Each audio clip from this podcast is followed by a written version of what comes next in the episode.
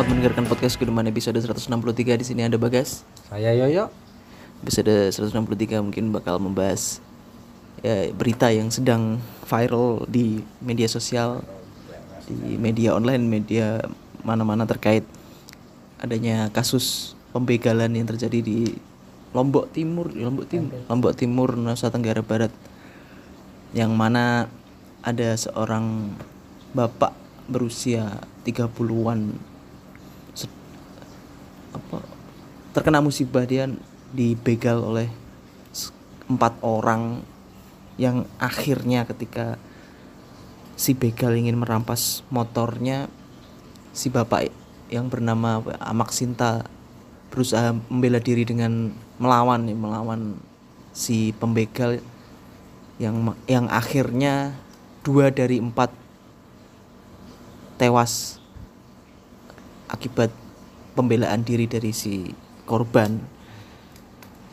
Tapi yang bikin rame ternyata setelah kasus apa setelah kejadian itu dia ditangkap oleh kepolisian setempat dan ditetapkan menjadi tersangka terkait adanya korban yang meninggal akibat tindakannya yang akhirnya menuai kritikan dari banyak netizen gara-gara gara-gara sikap kor ini han- dia korban tapi kenapa ditetapkan jadi tersangka dan itu sehari yang lalu apa dua hari yang lalu ya kasus itu ya Tiga.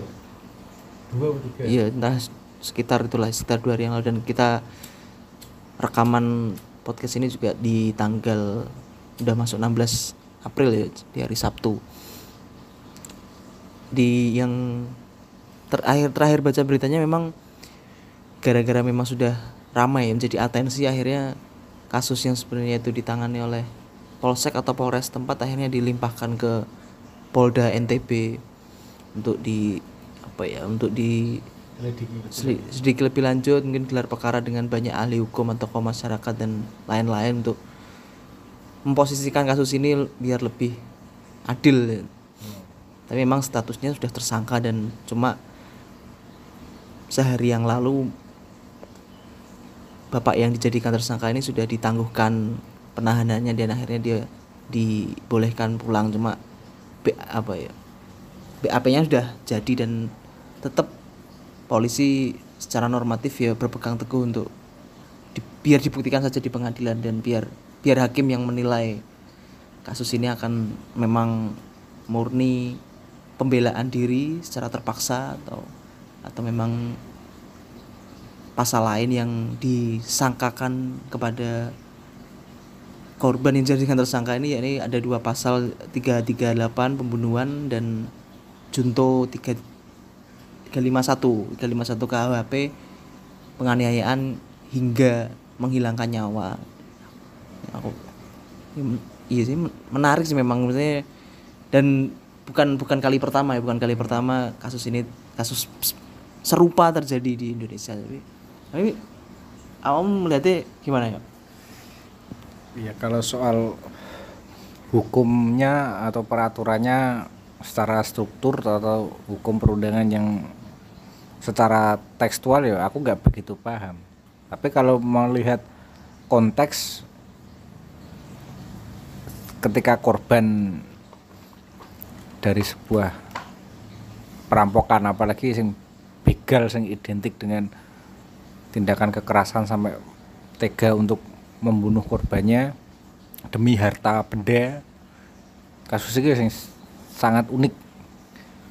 Meskipun nggak nggak nggak nggak nggak terjadi kali pertama ya tapi karena ramainya di media sosial terlebih kesadaran wartawan yang mempertanyakan itu mendapatkan jawaban saat konferensi pers itu jawabannya cukup unik saya tak dengar Betul. Jadi gimana Pak kalau menghadapi begal itu tidak membunuh?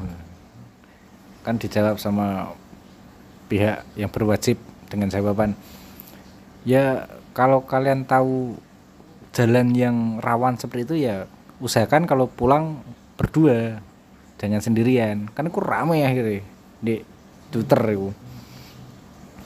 Ya pulang kalau nggak sama temen satu kos ya nggak bisa barengan. Ya gue Jawa sing cukup disayangkan sama masyarakat oh, terus wartawannya jadi aduh pak ya korban jangan membunuh begal.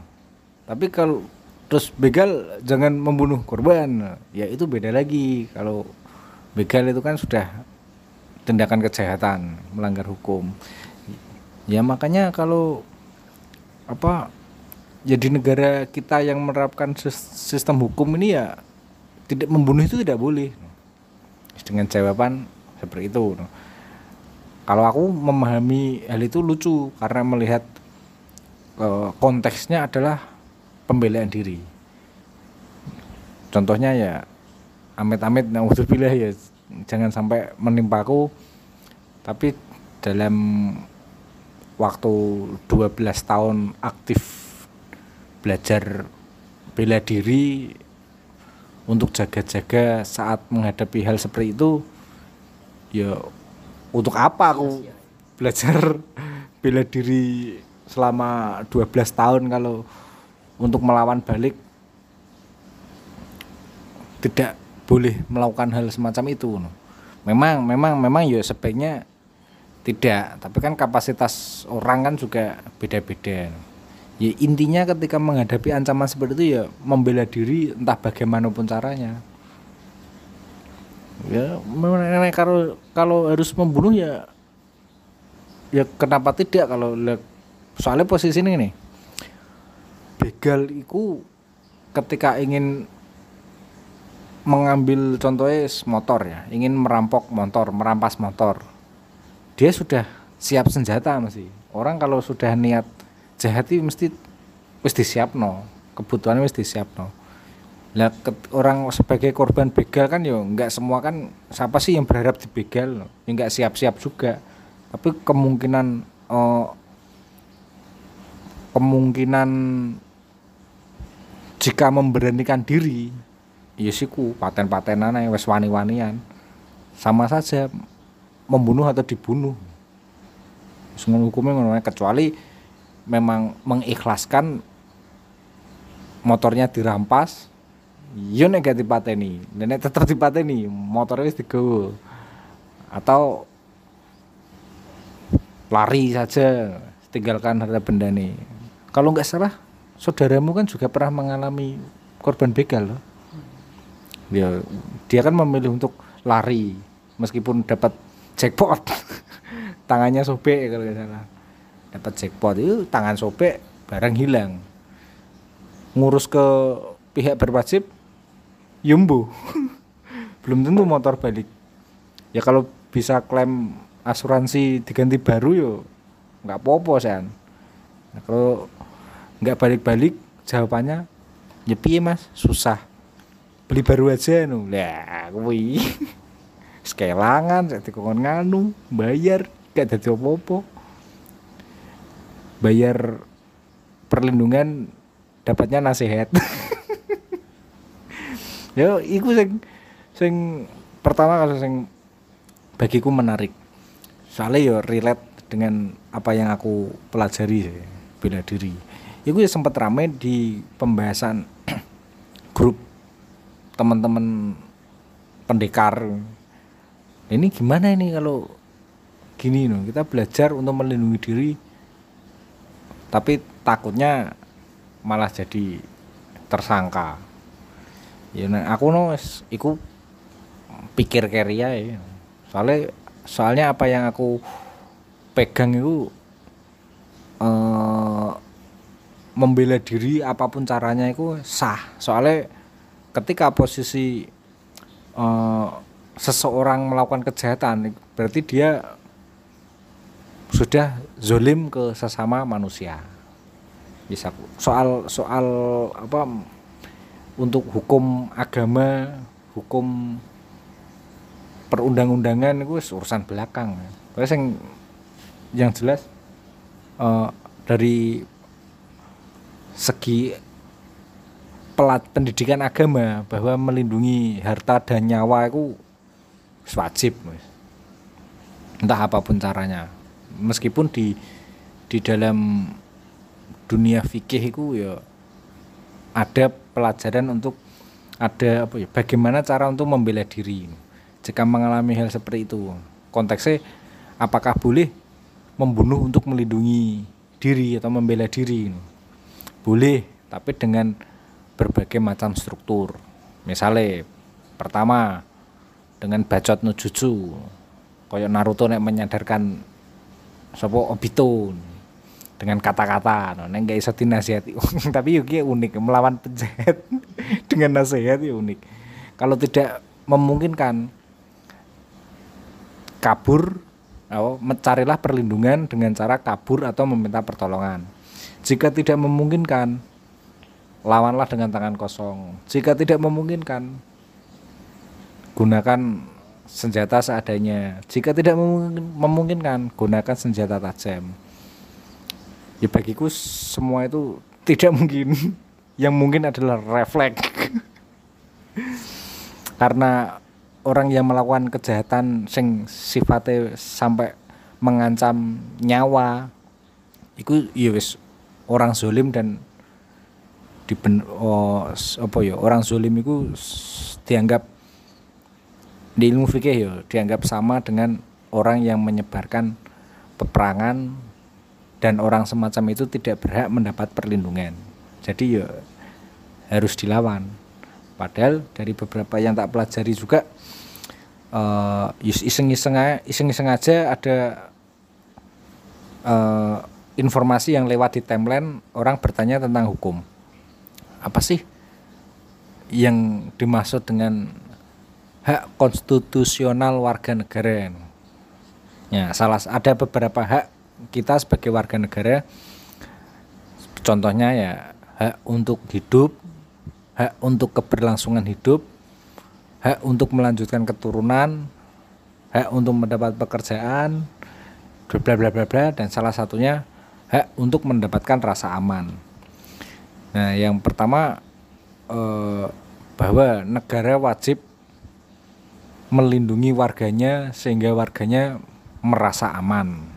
Ya itu hak kita no. tapi kalau hukum itu tidak bisa menyediakan yo nggak apa-apa. Kita tetap bisa menciptakan rasa aman untuk diri kita sendiri. Ya begitulah salah satu caranya cuma kalau urusan sampai hukum korban membela diri menjadi tersangka yo yo unik nggak tahu bagaimana cara memahami hukum secara tekstual atau kontekstual. Ya menurutku itu sih. Iya. Mungkin sing update dari kasus ini kan kepolisian juga menerbitkan dua LP dua laporan polisi. LP pertama terkait ya penganiayaan atau pembunuhan yang LP kedua ya terkait pencurian begal. Jadi dan dua yang sempat melarikan diri kan akhirnya tertangkap. Jadi di LP yang di LP yang pembunuhan atau penganiayaan itu kan yang seharusnya yang dibegal itu jadi tersangka. Jadi sing pembegal jadi saksi. Jadi di LP yang yang sebaliknya lah dengan yang LP yang begal jadi si korban itu tetap jadi saksi korban. Dan kalau lihat cerita dari si korban ini dia memang sudah diingatkan sama istrinya untuk bawa pisau dapur ketika perjalanan di tengah perjalanan itu sebenarnya. Jadi oh, karena memang anu ya rutinitas ini melalui jalan yang rawan. Iya memang rawan. dan gelap, gelap jalannya gelap sepi. Jadi memang dia bawa bawa pisau dapur. Tapi nek dilihat ini aku membayangkan me, apa ya ya me, mereka ulang mungkin kejadian ini sebenarnya ya cukup orang ini mestinya ya dua kesaktian ya jadiku mesti musuh empat orang loh satu lawan empat loh. Dan akhirnya sampai kabur loh. Soalnya kan dia dia cuma dia tapi kan dia mengelak kalau punya ilmu kebal. Hmm. padahal dia itu kena sabetan pedang. Nanti dengan dua ngacirian gak mungkin ngacir saya ini opo angele cara mono ngeroyok wong siji hmm. lagi wong papat loro iki mati iku nganu tau anu kesaksian si pelaku begal ketika bersaksi Enggak, korban, korban. Korban kan wis mulai terus diwawancarai wartawan kan. ngomong-ngomong kalau saya sudah dibacok Iya, mesti dia ngomongnya aku gak kebal cuma iki yo iki pertolongan Gusti Allah. Ngono, makanya nek aku bayangin berarti yuk sampai si pembegale iku sampai ngacir kan yuk. iya Cukup jadi pertanyaan memang satu lawan empat loh. Dan bisa jadi yo si dua itu yo mungkin yo bawa sajam juga kan maksudnya. Si empat empatnya bawa sajam semua. Ini bisa jadi maksudnya. tapi berakhir mereka kabur. Wih ngeri berarti yo. Gak gak gak gak wong main-main maksudnya. Dan sebelumnya yo di kasus yang serupa ini pernah kalau tadi Tempo juga udah nulis ada tiga ada tiga kasus yang serupa korban begal menjadi tersangka di Pekanbaru tahun 2015 di Medan juga ada kemarin di Malang. Ya hampir-hampir mirip-mirip sih sebenarnya. Mereka berusaha membela dirinya agar tidak dilukai maupun tidak dia tidak dicuri barang berharganya. Jadi tapi ya balik lagi apa ya balik mana ketika ada korban nih seorang aparat penegak hukum mungkin yo jadi bingung sendiri ya. Soalnya balik mana ya perlu perlu anak peradilan. Maksudnya bukan berarti terus ujuk-ujuk dianggap tidak bersalah. Makanya kan balik lagi nanti biar hakim yang menilai yang entah nantinya dia bebas murni atau mungkin ada hukuman percobaan ini ada banyak ada banyak kemungkinan lah. dan mungkin nantinya juga jaksa yang sebagai penuntut umum juga mestinya juga punya kebijaksanaan sendiri memberikan tuntutan kepada si korban yang seharusnya korban begal yang jadikan tersangka ya menurutku memang ya, ya memang dinamikanya kayak ngono gak gak bisa nggak bisa terus serta merta tiba-tiba Dibenarkan. bebas ya aku ya aku yuk celahnya kok piye malah ketok aneh nah. cuma yo di sisi lain memang ketidakpercayaan kita kepada para penegak hukum kan udah udah cukup memuncak lah. Jadi merasa yo aneh dan merugikan. Ya apalagi mereka yang seperti Yoyo yang sudah punya dasar-dasar bela diri yo rasanya sia-sia yo ngapain belajar bela diri tapi ujung-ujungnya dan iya balik lagi ketika kejadian yang secepat itu kan serba refleks kabeh ya gak ono sing diniatkan untuk ya mungkin ada amarah sing akhirnya tersulut kan ya makin emosi dan mungkin dengan tusukan-tusukan yang lebih dari lima kali mungkin ya, gara-gara memang marah bukan berarti memang iya kalau bisa meredam emosi dengan cuma menangkis atau apa akhirnya iso kabur ya iso aja mungkin. Cuma kan nggak semua orang punya refleks yang bisa diatur loh. Karena refleks orang kan bener-bener spontan semua dikerjakan sepersekian detik biar dia tidak terluka kan yo susah ya. Ya, cuma ngomong kayak nuturi sebaiknya jangan keluar malam-malam terus minta orang ditemani teman yo juga gak segampang iku. urip sedinamis iku bos. Gak solutif. Gak solusi ya. Memang urip gak segampang kayak ngono ngomongnya lagi yo di banyak tempat di pedesaan-pedesaan itu juga banyak jalan yang gelap kan ya. Memang rawan mereka pun membawa senjata tajam atau benda tumpul pun juga untuk melindungi diri. Yo sing ngene yo, Nah, eh iki berbarengan dengan era ramenya kelitih no. setelah pasca dulu geng motor Bandung Jakarta terus sekarang kelitih di Yogyakarta. Bahkan niatnya memang cari rusuh cari perkara nggak sebatas begal tapi serandom aja dengan semakin logisnya didukung dengan eh, sembako yang serba naik, ekonomi yang belum sehat dari Covid, desakan-desakan butuhan banyak dan membuat orang semakin bingung dan gelap mata. Nah, kemungkinan-kemungkinan itu kan sangat ada tuh, sangat mungkin karena yo eh, kejahatan itu tidak tidak lepas dari kemiskinan atau ekonomi rendah. Itu sangat signifikan. Tapi ketika kita mengerti hal itu dan berjaga-jaga. Toh membawa senjata tajam kan yo nggak boleh tuh takutnya kalau orang umum menggunakan senjata membawa senjata tajam yo yo salah. Tapi harus bagaimana?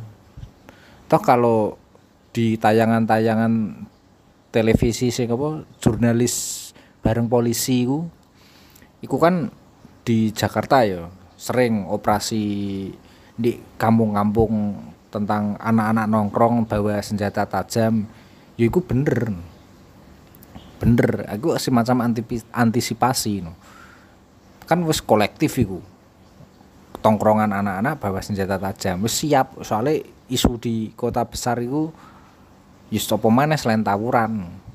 Nah tapi kalau di desa-desa di kabupaten-kabupaten sing tempat-tempat sepi itu ya bawa senjata keluar ki jelas wis niat jahat. Soalnya orang biasa mau bawa senjata yo ya takutnya kalau ada operasi atau ketahuan mesti ditangkap dianggap niat jahat. Nah, kalau kalau semua orang bawa senjata kan akhirnya yo bingung iso sawang gon-gon sak wayah-wayah paten-patenan. Tapi untuk melindungi diri yo yo bagaimana?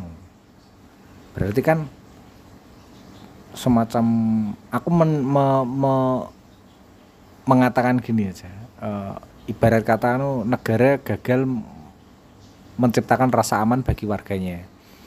Nah kalau cukup dengan ilmu kebal minimal selain ilmu kebal bermanfaat dibacok nggak apa-apa tetap enek dampak psikologis terhadap pelaku pembacok ya mesti dibacok ih kebal bahaya gini gak mau sembarangan kabur kabur Berarti kalau negara tidak bisa menciptakan rasa aman dengan hukum yang sifatnya adil melindungi, termasuk dalam beberapa konteks, belajar ilmu kebal dimasukkan ke kurikulum pendidikan saja.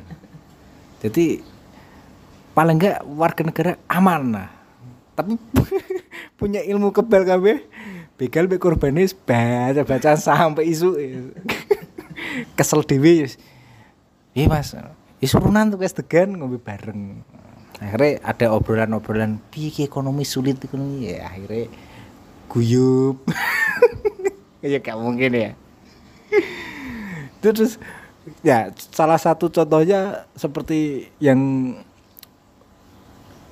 menimpa eh, pelajar SMA di Kabupaten Malang yang ketika ada pacarnya bareng pulang sekolah bareng pacarnya dibegal di jalanan sepi. Dibegal dipepet disuruh minggir dirampas terus ada uh, apa ya suara si anak SMA ini mendengar suara dari salah satu pelaku tuh kita perkosa saja ceweknya nah secara refleks dia yuk takut lah namanya bawa anak orang ya takut nanti urusan sama keluarganya bagaimana ya refleks lah ngambil peso di jok motor dilawan lah si begal itu. Daripada si Fulan ini diperkosa ya mending dihabisi dulu lah. Ternyata solutif. Si begal kalah mati muncul kasus uh, di apa jenis masuk ke pihak berwajib kasusnya dianalisis si bocah SMA ini mendapat ancaman hukuman 15 tahun penjara. Nah, iki iki iki belum belum kasus secara mendalam yo. Sempat viral uh, si bocah ini bisa mendapat ancaman hukuman 15 sampai 20 tahun penjara dengan pasal pembunuhan berencana. Karena di dalam kendaraannya sudah ada senjata tajam. Padahal ketika ditanya delel oh kok delel kok kebetulan uh, si anak SMA ini mengaku membawa pisau untuk penelitian bi biologi ini apa membedah kodok ini. Nah kok kebetulan ada begal itu pas bawa pisau. Kok Akhirnya kasusnya jadi kas, dianggap pembunuhan berencana. Karena orang-orang yang membawa senjata untuk melindungi diri kan yo malah takut.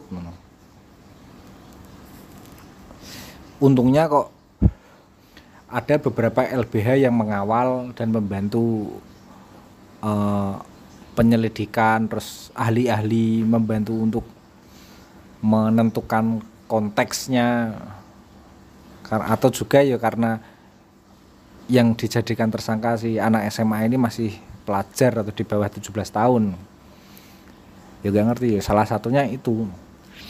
Dan berita sing aku sempat seneng itu seperti kejadian di yang pernah terjadi di Lok Sumawe.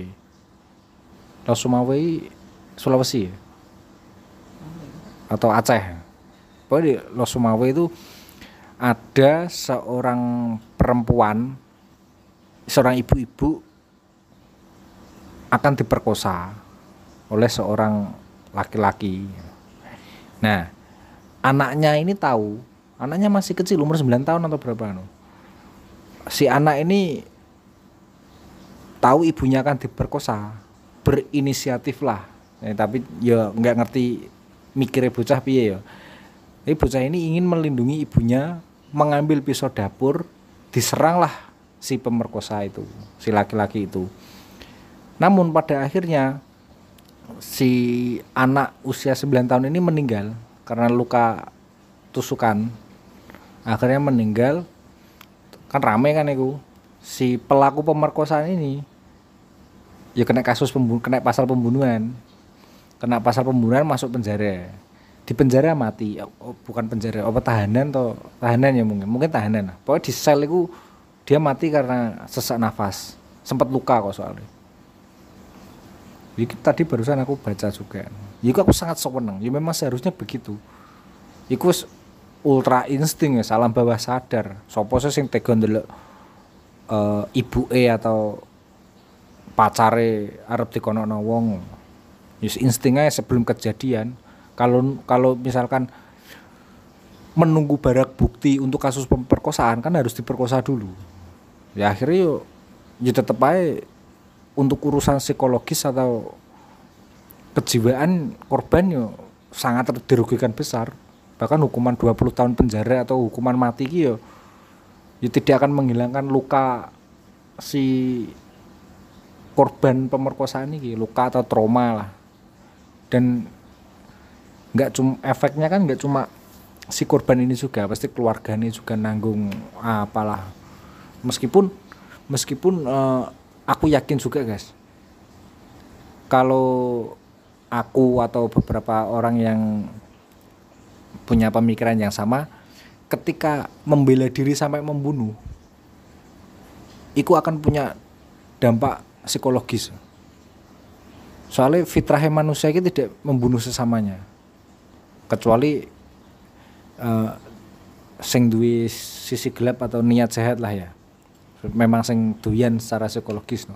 tapi fitrahnya manusia ki yo mesti ngesakno kayak beberapa kali di film-film intel atau film-film spy crime atau militer itu kan ketika perang pertama mesti ada pendidikan bahwa pertama kali membunuh orang kamu akan teringat wajah orang itu akhirnya mengganggu psikologis nah koyo ngono iku ketika toh aku melindungi diriku membela diri membunuh pelaku kriminal gitu tetap akan memiliki dampak psikologis.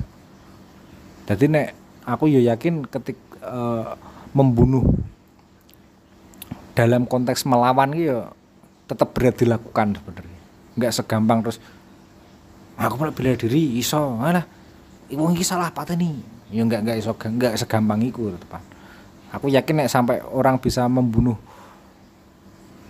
orang yang mengancam dia ki yo wis ultra insting kuwi. Wis alam bawah sadar. Lho temen kita sapa? Dahlan ae dipepet geng motor ya metu pukulane. Padahal nek kumpul tongkrongan ki paling cupu lumayan cupu makanya gue aku yo harus dipikir di butuh butuh semacam analisis konteks itu meskipun nek ndogone perundang-undangan mungkin yo nggak ada yo sing sifatnya tekstual diizinkan membunuh untuk melindungi diri atau pembelaan diri ya ku ada di kebijaksanaan hakim atau jaksa ya. Hmm. Tapi on, kita eh baca-baca sebenarnya ada sih kita eh, pasal pasal 49 KUHP alasan pemaaf ya ono. Mulai dari kasus berat sampai ringan ya? Hmm. Eh, pasal 49 ini mengatur tentang pembelaan diri luar biasa. Jadi pembelaan terpaksa yang melampaui batas yang langsung disebabkan oleh guncangan jiwa yang hebat karena serangan atau ancaman serangan itu tidak dipidana ya kan itu bisa dipakai makanya pasal yang disangkakan ke korban begal yang di NTB kan ya tiga pasal itu di 35 338 pembunuhan junto 351 penganiayaan ambil pasal 49 itu. Bagaimana kan kok nek bisa jadi kan kok akhirnya sing dijadikan dakwaan oleh jaksa mungkin kok akhirnya cuma pasal 49 kan ya bisa jadi akhirnya kok hakim bisa memutus bebas murni ya Hmm. Ya ono kemungkinan itu jan. Memang balik lagi memang harus dibawa ke meja hijau itu sih mungkin. Ah, karena memang ya dalam hukum sih ono tiga asas itu ya asas kepastian hukum kemanfaatan baik keadilan. Ya ya memang ya piye mana ada nek langsung di colke yo ya dadi cuma kan ben duduk perkaranya ben jelas dok terus sebenarnya Iya, ah, duduk perkaranya ben jelas dengan mungkin ya balik mana kan ya nggak ada saksi mata lain ya itu benar-benar kesaksian yang nantinya di persidangan dibuktikan loh dan kesaksian di bawah kitab suci lah yo yo wes gak gak iso diomong oleh akeh cuma yo syukurnya yo si korban selamat dan bisa bisa apa ya melindungi nyawanya dari pembegal yang seharusnya memang perlu untuk dibinasakan ya.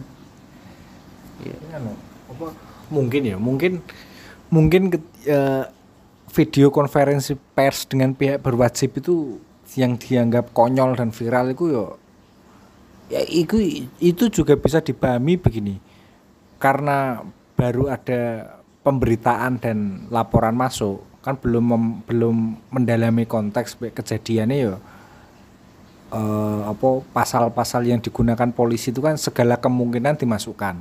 Jadi si korban ini jadi tersangka itu juga untuk membatasi konteks. Kan masih ada penyelidikan lagi tuh.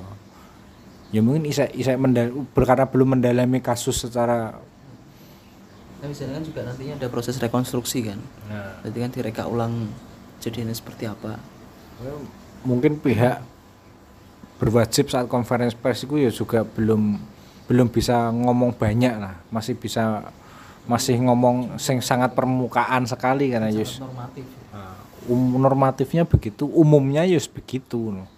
Cuma kalau bagaimana kalau mendalami kasus seperti begal sing dengan sadar membawa senjata tajam atau orang mabuk curhat masalah ekonomi tiba-tiba ngidi ngerampok kan ya beda lagi itu makanya memang perlu didalami lagi. Toh toh ketika eh, si korban ini mampu untuk kabur tancap gas malah memilih melawan atau karena juga ah wis buntu mata nih wong ae.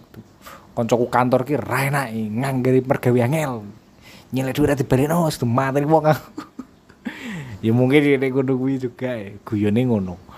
Mana harus harus di memang butuh waktu untuk mendalami kasus terlebih dahulu. Jadi ini kalau pelajaran untuk semuanya yo yo bela diri gue yo penting lah sekedar untuk kabur. Sekedar untuk kabur atau untuk melawan.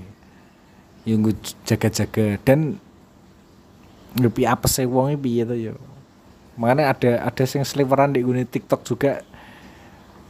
Pelaku penipuan itu sebenarnya tidak berniat jahat tapi hanya mengalami bad time. Waktu yang buruk ya kabeh yes, mengalami hal yang sama tapi ya sebisa mungkin ya, saya waras lah just sampai ngerugi no wong.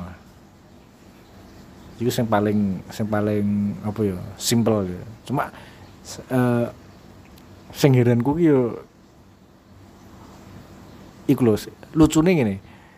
Wartawan kan sebenarnya sudah bisa menebak jawaban jawaban narasumber apalagi pas konferensi pers no. Wis apal lah. Tapi karena wartawan kan juga harus wajib ngambil statement daripada dia berasumsi. Makanya perlulah dipertanyakan. Ini kok delalah jawaban ini ngawang dan lucu loh mosok petugas yang berwajib yuk cuma sekali dua kali. Apalagi kasusnya di Nusa Tenggara. Sing cerita ya daerah yang mana teman-teman kuliah yang dari sana tuh ya sering bicara bahwa di sana tuh ya banyak begal banyak kejahatan. Yuk kalau kalau memang tahu harusnya gini sarannya polisi. Ya kalau memang daerah tahu daerah itu rawan ya gimana diatur? Jam pulang kerja atau bawa senjata ikut bela diri? Atau mungkin ini masukan untuk kepada teman-teman aparat untuk membuat pos di situ nah patroli membuat pos di situ atau lapor ke mana ke iku sing gawe listrik iku dipasangi lampu biar terang terus teman-teman pengusaha yang bikin franchise minimarket kasih situ loh. Di dekatnya ada pos polisi. Ya keamanannya sing no ojo ojo masyarakatnya sing dikongkon bertahan atau ngatur piye itu gas iki piye bayar pajak iki kanggo keamanan no. Lha nek wis awak loro kabeh cacat harta benda hilang mergawe ra iso bener Ya ora iso bayar duit nganggo pajak, kena denda, rugi. Iku lah wae. Makanya ini yang yang saat ini disorot kan juga perilaku aparat itu. Bukan bukan masalah bukan menjelek-jelekkan, tapi bahan evaluasi. Bahan evaluasi, saran, masukan. Cuma nek sekedar saran, nasihat, masukan kuwi dibantah dan gak logis ki jengkel, mana dilokno ngono wong-wong. Sama kayak kayak apa didik anak ngasih tahu orang wi ngeyel ki yen jengkelno akhirnya di goblok-goblokno kuwi. Mana ben ojo sampai ngono ki yo evaluasi endi sing kurangi kuwi sing ditutupi kuwi sing ditambahi ya ngono. Nyal nyalahno kalau pulang berdua peh pulang berdua. Ini berdua dah wedinan begale papa tok. Senjata kabeh percuma. Ini ngono apa diwajibkan untuk perusahaan-perusahaan itu membuatkan mes? Si cedak-cedak. Ini ngono kan iso. Terus ditanggung bersama. Enggak semua enggak semua kok wis dadi korban saya disalahno. Anehnya kan gitu. Wis contohnya sing sing sing sampai sekarang masih rame gitu selalu korban pemerkosaan gitu disalahkan soal pakaiannya eh, tongkrongane mana cewek itu metu bengi-bengi. Cewek itu anu yuk yus korban saya disalah no maksudnya ki kesadaran bersama.